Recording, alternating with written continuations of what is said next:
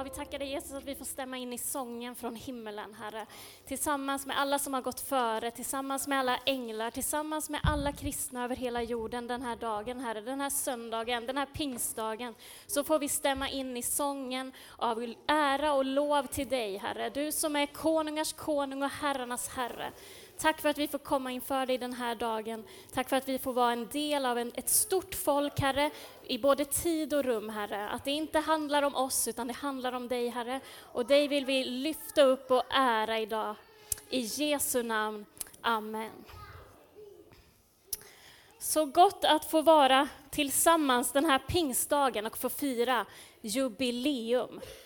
Jag heter Carolina Olofsson och det är jag som är pastor just nu i den här församlingen sedan knappt tre år tillbaka. Så vi börjar i nuet och så kommer vi jobba oss bakåt. Eller hur man ska se det.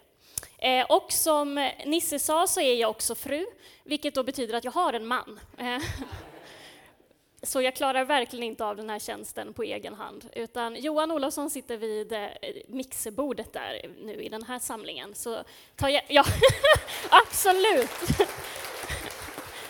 En applåd till honom, därför att det är så. Utan honom skulle ni inte ha mig som pastor. Man behöver någon att luta sig mot i alla möjliga typer av tjänster, men särskilt i en tjänst, sån här tjänst.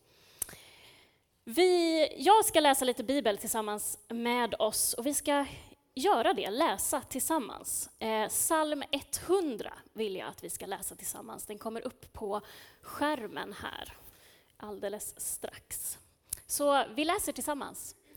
Ropa till Herren, hela jorden. Tjäna Herren med glädje. Kom inför hans ansikte med jubelrop. Tänk på att Herren är Gud. Han har gjort oss och inte vi själva till sitt folk och får i sin jord. Gå in i hans portar med tacksägelse, i hans gårdar med lovsång. Tacka honom, lova hans namn, för Herren är god. Evig är hans nåd från släkte till släkte varar hans trofasthet. Evig är hans nåd. Från släkte till släkte varar hans trofasthet. Det är vad vi ska stanna upp inför när man firar ett sånt här jubileum. Vi som är här just nu, vi är varken först eller sist. Från släkte till släkte varar hans trofasthet. Och från detta vill jag eh, gå till Hebreerbrevet 11. Där räknas det upp ett antal av Gamla testamentets profiler.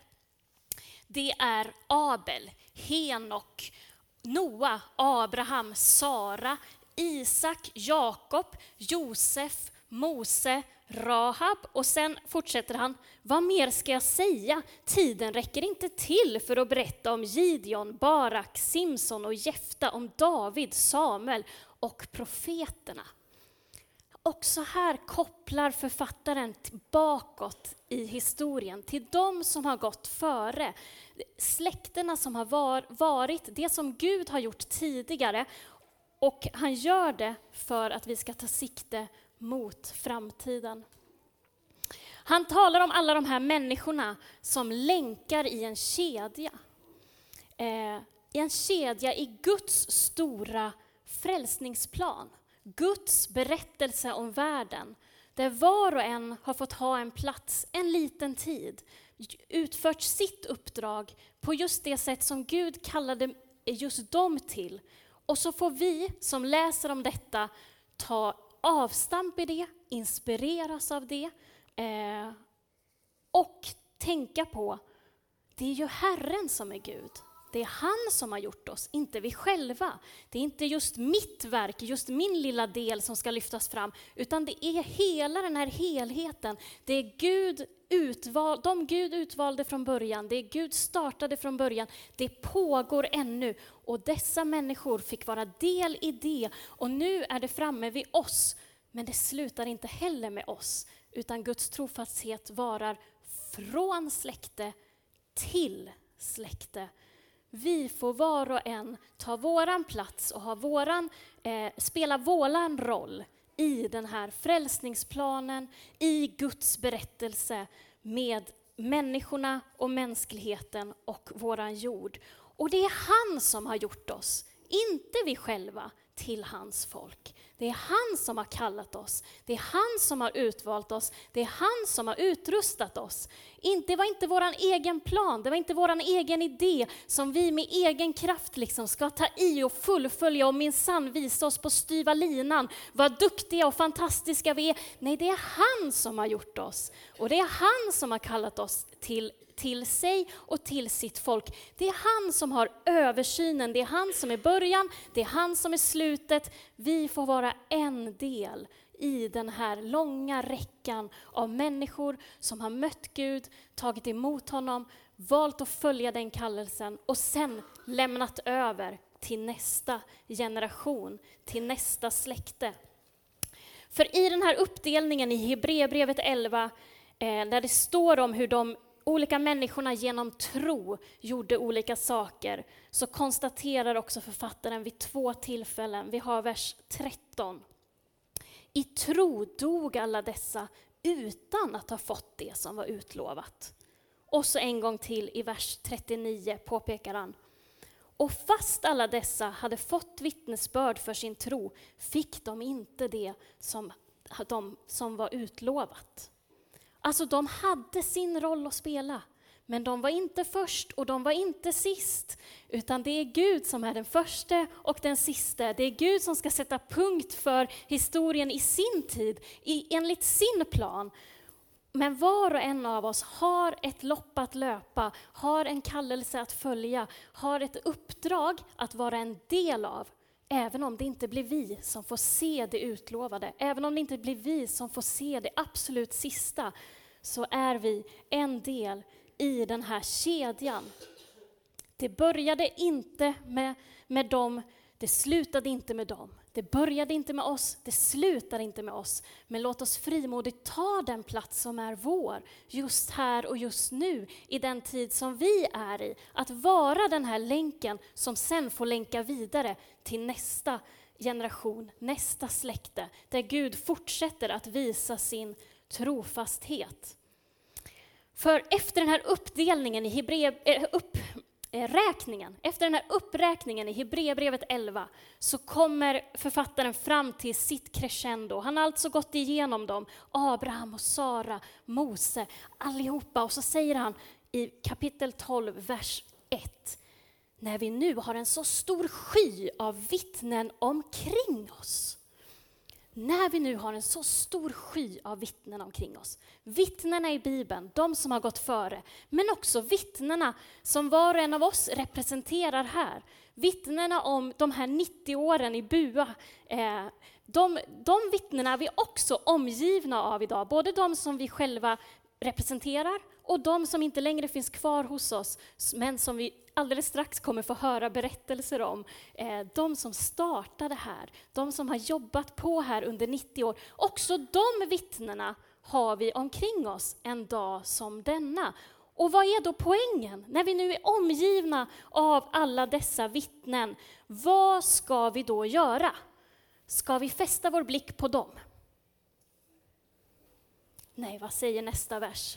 Låt oss ha blicken fäst vid Jesus. När vi nu är omgivna av en sådan sky av vittnen som allihopa har fått bära vittnesbörd om Guds trofasthet och Guds verk, låt oss då ha blicken fäst på Jesus.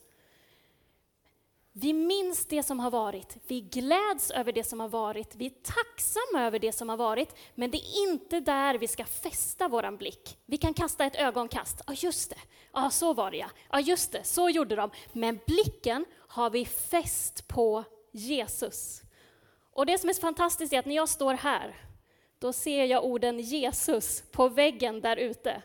Och ni som sitter här, ni ser korset. Så båda vi just nu har blicken fästa på Jesus och det som Jesus gjorde för oss och det, den som Jesus är. Och det är vad Hebreerbrevet uppmanar oss till. Ta historien som ett avstamp och som ett startblock mot det som skall komma, mot det som är din uppgift eller vår uppgift i den här tiden.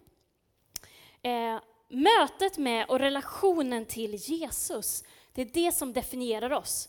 Inte vilka vi har varit tidigare och inte ens vad framtiden nu än kan bära med sig som vi inte vet om. Det är inte det som definierar oss, utan det är vem Jesus är, vad Jesus har gjort och vad han talar till oss om idag. Till dig och mig. Det är vårt möte med Jesus och vår relation med Jesus som definierar vilka vi är. Låt oss ha blicken fäst på Jesus. Men så står det också i den här texten, eh, faktiskt innan det jag läste nyss, att vad är det vi ska göra? Jo, nästa bild. Vi ska löpa uthålligt i det lopp vi har framför oss. Att denna sky av vittnen, de som har gått före, berättelserna som vi bär med oss från förr, historien som vi är en del av, den får vara just vårt avstamp, våra startblock när man står laddade för att löpa. Vi har en bild där på startblock också, nästa bild. Det är vad vi tar spjärn emot. Ja, men det var vad de gjorde, det var vad de eh, kämpade med, det var det som hände då kan uppmuntra oss i, och så är det det som får vara vårt avstamp. Vi ska framåt. Så med tacksägelse idag ska, kommer vi att få lyssna till gamla sånger, till berättelser om vad som har hänt förr. Och, och, så får vi med tacksamhet glädja oss över hur fantastiskt många saker har varit i 90 år. Men vet ni vad? Sen låter vi det också få vara. Och så blickar vi framåt. För Guds trofasthet varar från släkte till släkte. Och det är vad vi fäster våran blick på.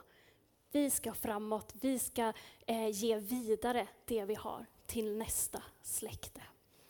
Det började inte med oss och det slutar inte med oss. Vi får vara en länk i en mycket större kedja. I Guds frälsningsplan. Han som är början och slutet. Amen. Tackar dig Jesus igen för att vi får vara samlade idag, att vi får spegla våra liv i ditt ord Herre. Att vi får ta vårt avstamp i vad människor tidigare, både i Bibelns tid och i Sverige, har fått göra Herre. Och att det får vara vårt startblock för att blicka framåt, för att fästa våran blick på dig och det som du gör och det som du säger in i vår tid och in i våra liv här och nu Herre. Hjälp oss att ta oss an den utmaningen med mod och glädje, Herre. Och verkligen ha uthållighet, att löpa uthålligt. Att spela den roll och ta den plats i kedjan som är just våran, Herre. Tack för att din trofasthet varar från släkte till släkte. Amen.